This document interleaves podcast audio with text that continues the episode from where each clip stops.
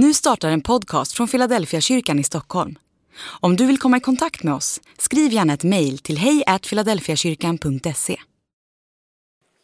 Att få tillbedja den som har all makt i himlen och på jorden, det är gott. Jag tänker, som du sa Stefan, tänk att vi får samlas i alla fall. Och vi får vara här tillsammans och jag hoppas hoppas att du ska ha med dig någonting idag ifrån den här gudstjänsten. Kanske att du träffade någon god vän eller någonting som du hörde i sången eller predikan eller kanske något som Gud säger till dig. För det är ju så det är när vi träffas, då är Gud här. Och han är här av en enda orsak. Han vill alltid möta möta oss. Han vill alltid ge oss gott. Jag tänkte, det finns ett tema för idag, hoppet är nära. Jag funderar lite grann på det där, vad är det som vi behöver mest av allt nu? Det gungar ju rätt ordentligt runt om oss i världen det gungar i Sverige, ja men det gungar lite överallt. Det låter lite vackert med att det bara gungar. På en del ställen är det ren katastrof. Så är det ju. Vad är det som människan behöver allra, allra mest? Och jag tänker, skulle man kanske kunna säga att vi behöver hopp och vi behöver en framtid. Hopp om en framtid, men jag tänker vi behöver både hopp och en framtid. Det är många som tvekar på om det överhuvudtaget finns någon framtid idag. Hur kommer det att se ut? Vi har haft några gudstjänster här i november när vi har talat om att vi tror på en framtid. Vi tror på en framtid både här och i gemenskap med Gud för en hel evighet. Men det finns många som har att det har brutits i tanken. Finns det överhuvudtaget en framtid? Och finns det någonting att hoppas på som håller? Ja, jag tror att vi behöver det. Jag har ett sånt där favoritbibelord. Det är ju jättebra när man får predika så får man ta fram de där favoritbibelorden. Och ett av dem, jag har väldigt många faktiskt, men ifrån Jeremia 29 och 11 då står det så här. Jag vet vilka avsikter jag har med er, säger Herren. Välgång, inte olycka. Jag ska ge er en framtid och ett hopp. Det där som jag tror att vi behöver, det finns i den där bibelversen. När det här sades så var det i ett sammanhang som var oerhört mörkt. Det sades till ett helt folk. Och det sades till ett folk som inte hade något hopp kvar. För allting hade tagits ifrån dem. Deras land, deras möjligheter, de var bortförda. Ja, men det såg mörkt ut.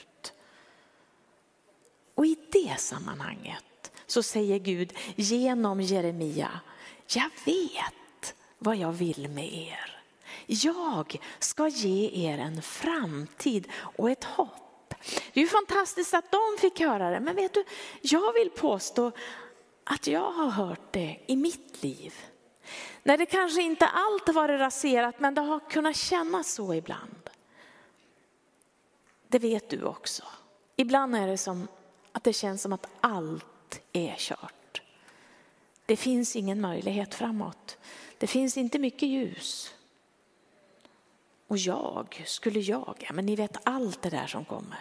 Jag tror, precis som jag har upplevt i mitt liv, att Gud har sagt också till mig, Lena, jag vet vilka avsikter jag har med dig. Jag ska ge dig en framtid och ett hopp. Vet jag skulle önska att jag kunde säga alla eras namn nu och säga det. Han vet vad han har för tanke med dig. Gud själv ska ge dig en framtid och ett hopp. Du vet de här löftena som Gud har gett, Det gäller inte bara plötsligt när han säger det, utan det håller. För han står för varje ord han har sagt. Det blir väldigt nära när Gud säger sådär till mig. Det talar om vem Gud är. Och jag tänker på när Jesus gick här på jorden. Det var som att om du läser evangelierna så kan du se att det som händer, det han på något sätt lever, det är att han ger människor framtid är det han gör hela tiden. Han gör det på olika sätt och han blev inte så populär alltid för han gjorde det på sitt sätt och han gick fram på ett sådant sätt som man inte var van med. För de där människorna som var på sidan, de utstötta, de tog han in i centrum. Och så gav han dem ett hopp om livet, om en framtid. Och han gav dem en framtid. Människor, han mötte kvinnor i många sammanhang som man inte skulle tala med. Han gjorde det, han hade samtal med dem. Han gav dem möjligheter. Jag tänker att alla som mötte Jesus, det måste ha tänts något här inne. Det där du vet som är avgörande när vi har de där stunderna när det är så mörkt och vi ser ingen möjlighet. För jag anar att alla har smakat på det. Och så händer det någonting. Och när Jesus gick där, då tror jag det var precis det som hände. De här kvinnorna som ingen ville ha att göra med, de fick ett hopp. Och det berättas ju också om att de plötsligt fick en plats. De här människorna som satt och tiggde, som var blinda för de hade ingen möjlighet. De mötte Jesus och han gav dem en framtid och ett hopp. De som var sjuka av olika slag, allt det där, det var som att Jesus levde de här löftena. Han spred hopp och framtid där han gick fram. Och så talade han om att man kunde få bli försonad med levande Gud. Och man kunde få en relation med honom. Och så talade han och visade och levde nåd. Jag älskar nåd. Och det har att göra med att jag klarar inte mig själv. Jag gör så mycket tokigt och jag räcker inte till. Men jag vet vilka avsikter Gud har med mig. Och han säger, jag vill att din, min nåd ska vila över ditt liv Lena. Du behöver inte klara allting själv. Du räcker inte till, men jag är där med min nåd. Ett sätt som man använde på den här tiden när man talade om det som om hoppet och framtiden, det var att man talade om ett annat rike. För i det sammanhanget vi möter i Bibeln, i Nya Testamentet, så var det ju så att man var under förtryck. Det var romarna som var där och bestämde. Och man kände att det enda man ville det var att man skulle få en ny härskare.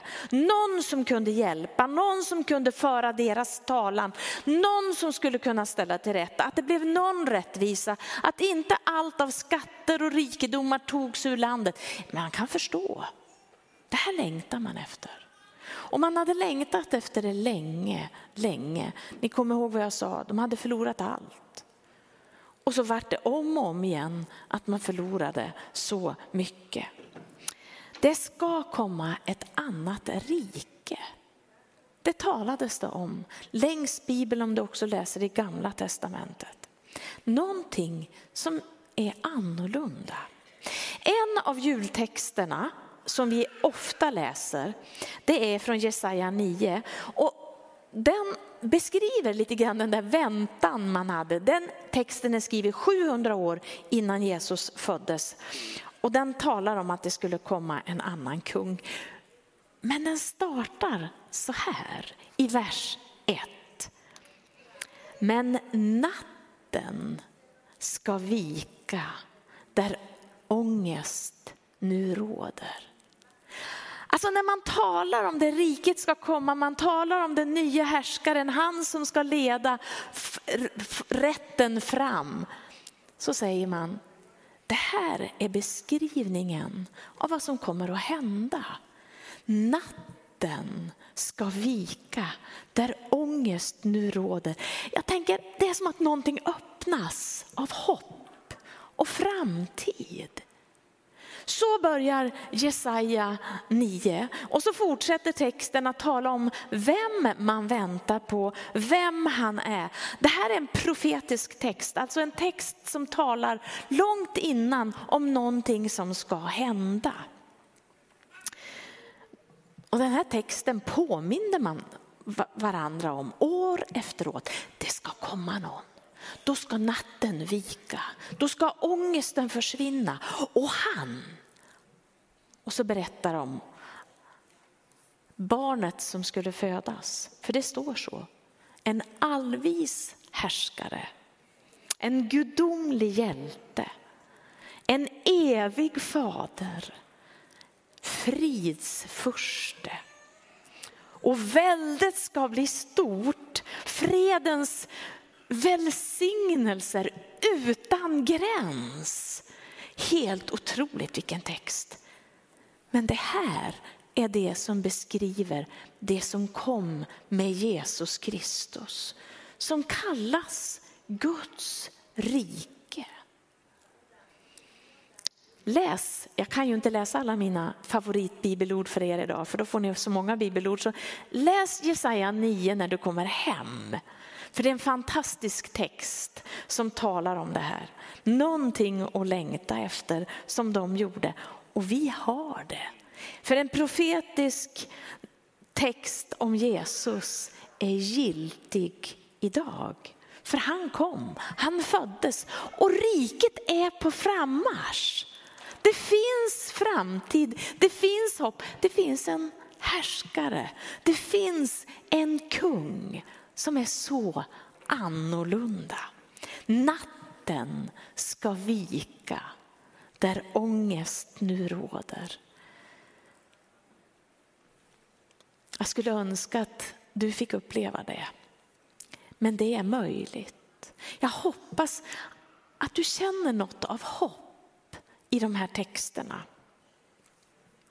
För det här folket som väntade och väntade efter någon som skulle komma, så var det självklart hur det skulle komma. Det var ju så. Man tänkte ju den där härskaren som skulle föra dem ut i krig och återta och med makt och myndighet, så lätt som vi tänker.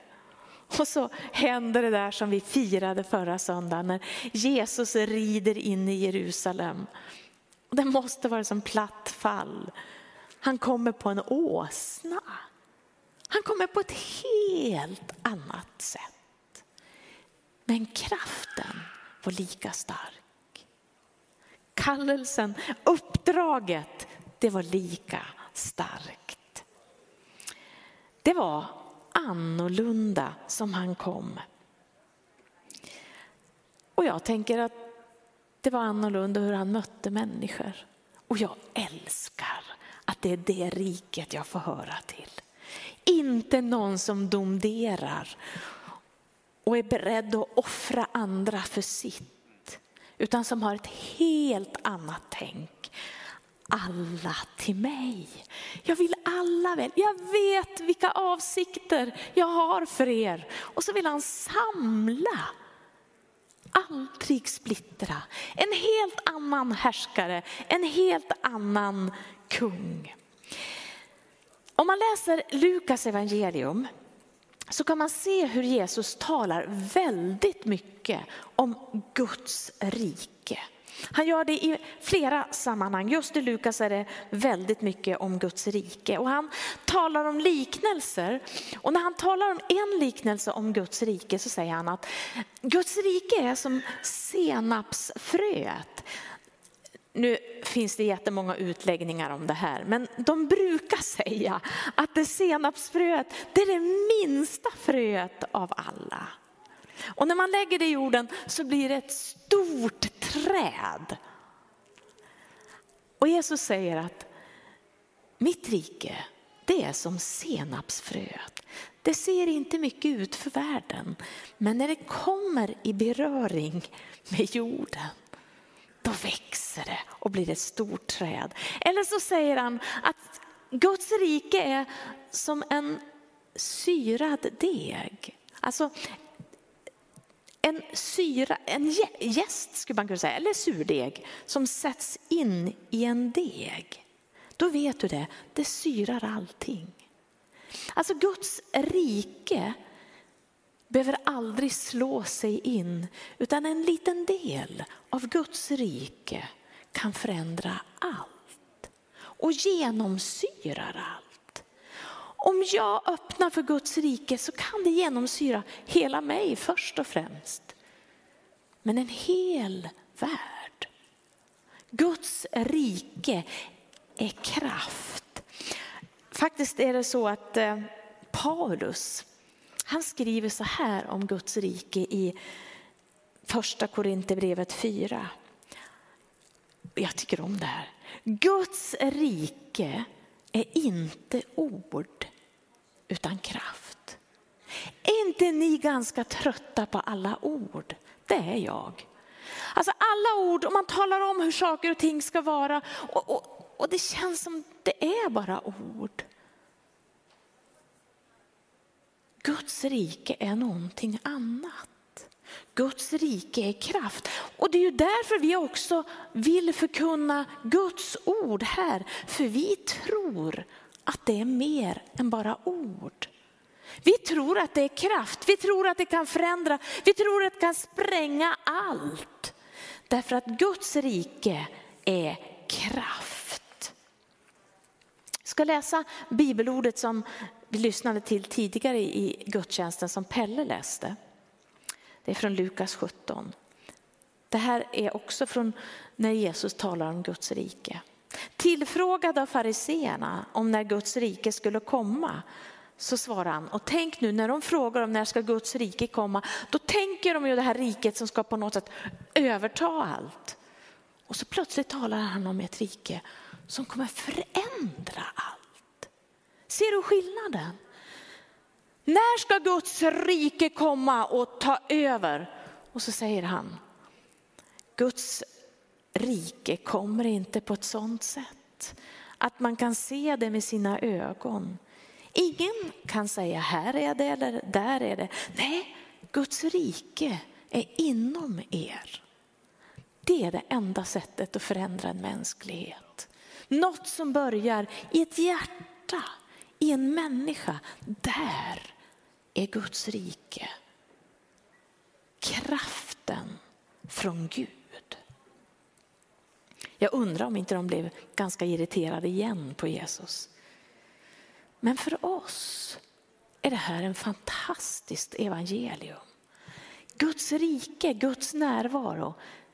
Ni behöver inte söka, du behöver inte resa någonstans och söka. Utan du kan förstå att du kan få Guds rike inom dig. Ett helt annat utgångsläge. Guds rike är nära. Och det ska ge framtid och hopp. Jag har funderat just på det här med hopp ett tag. Vad är hopp och hur viktigt är det?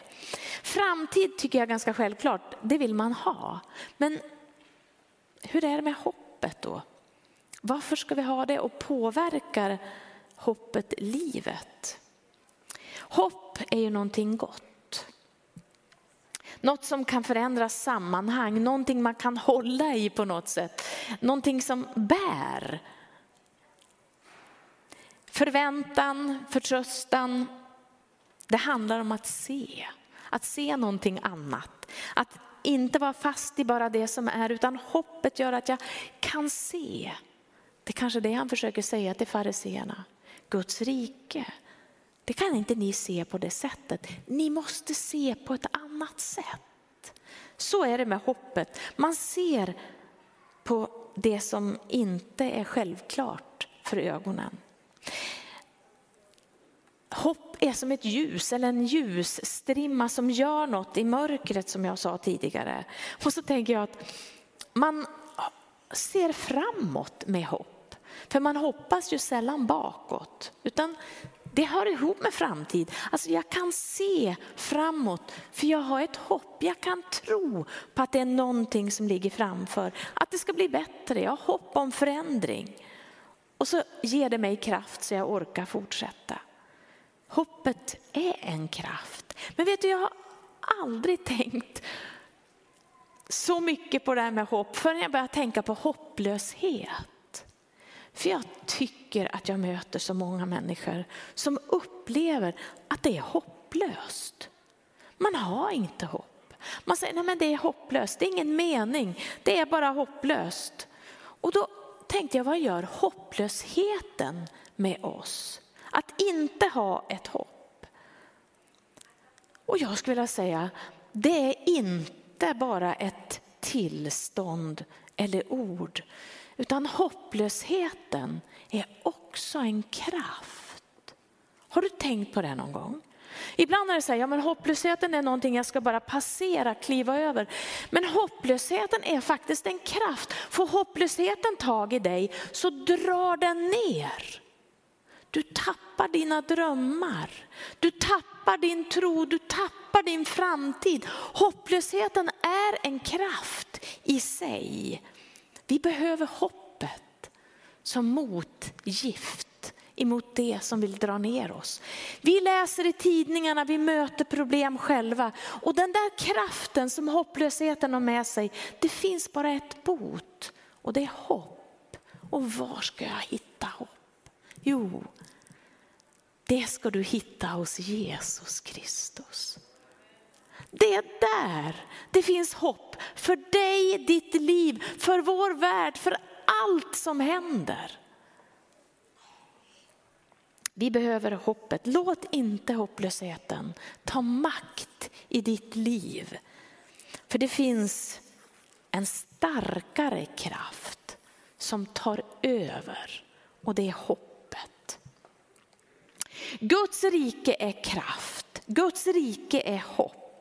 Det står i Romarbrevet 15, älskar formuleringen, att Gud är hoppets Gud. Hör du?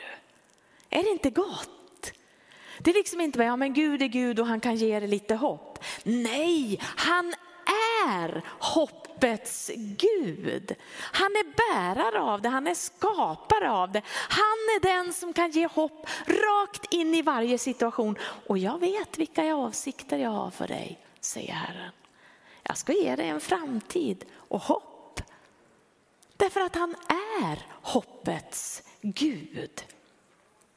Den goda kraftens Gud. Det där hoppet som också påverkar våra liv, våra tankar, våra beslut, vår tro. Hopp är inte en känsla, inte ett tillstånd.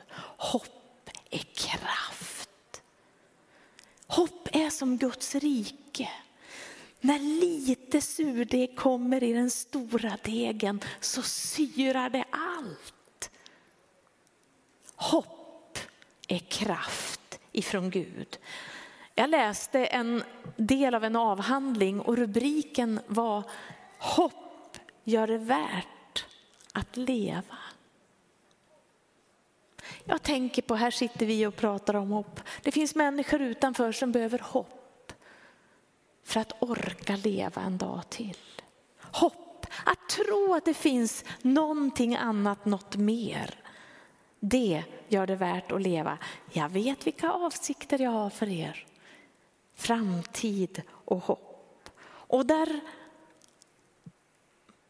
natten ska vika, där ångest nu råder. Och jag tänker att, att Guds rike är nära hör ihop med att hoppet är nära. Det gäller vem man sätter sitt hopp till. Det är där det handlar om. För hoppet, jag kan hoppas jättemycket på olika saker, men om jag sätter mitt hopp på den som faktiskt kan uppfylla det. Han som är en väldig Gud, evig fader, fridsfurste, underbar i råd. Om jag sätter mitt hopp hos honom, då är det möjligt. Han har tänkt en framtid för hela mänskligheten och för mig. Han är nära. Hoppet är nära och han vill komma med sitt rike till mig. Om jag nu säger att Jesus var hela nationens hopp. En del missade honom. Men han är ditt hopp också. Rakt in i ditt liv. Rakt in i Sveriges hela situation. Rakt in i världens hela situation. Det finns bara ett hopp som håller. Och det är Jesus Kristus. Och han vill ge det här. Men om, hur är han ditt hopp? Jag ska bara ta det, landa lite snabbt här. Först och främst så är han ditt hopp. För att han har tagit allt av din synd, allt det där som blir fel har han redan tagit på sig. Han är den som kan ge frälsning och försoning. Och det är grunden för alltihopa. Han har försonat hela världen med sig, står det. Någonting mer som finns i Jesus, det är närvaro. Det är ju så här att allt som är långt ifrån blir lite svårt att hantera. Men Gud är nära. Alltså, han är här. Det var en som skulle sammanfatta evangeliet. Det är många som har försökt det i några meningar. Jag älskar den här sammanfattningen. Och nu säger Göran så här, Gud och jag, här och nu. Fast egentligen så sa den som, som sammanfattade, du och jag, här och nu. Att få den relationen med Gud, ett du, men du är med mig, här och nu. I det har du ditt hopp. Du har kraft i hoppet. Det står vet att Gud är på din sida. Alltså det är på riktigt. Han kommer inte svika utan han står på din sida. Du har hoppet i att du är älskad. Det är som att Gud, han ser ju alla och så ser han just dig, just nu. Och så säger han, du är min djupaste kärlek. Alltså du, tänk att det är, det är så. Alla och ändå så enskilt. Du är min. Du har hoppet i att i relationen med Jesus handlar om nåd. Det handlar inte om våran prestation. Du har hoppet i att han är ljus. Mörkret ska ge vika där ångest nu råder. Han är ljus och det står att inget mörker finns i honom. Det här är ditt hopp. Och jag skulle vilja säga att det här handlar om framtiden, men det handlar om ditt liv och det handlar om din vardag. Nu ska vi be tillsammans och vi ska få sjunga, på, sjunga lyssna på en sång. Och sen så ska vi be tillsammans en gång till. Men jag vill gärna ta med er i bön. Jesus, jag tror verkligen på att du är vårt hopp. Jag tror att du idag säger precis det som sades för så många hundra år sedan. Jag vet vilka avsikter jag har. Herre, du vill ge varenda människa en framtid och ett hopp. Och vårt hopp är i dig. Du som är hoppets Gud, som är hoppets ursprung, hoppets djupaste kraft och innebörd. Tack Herre för att vi får tro på att du är den som vill varje människa väl och som ser oss var och en och som riktar din kärlek till oss. Amen.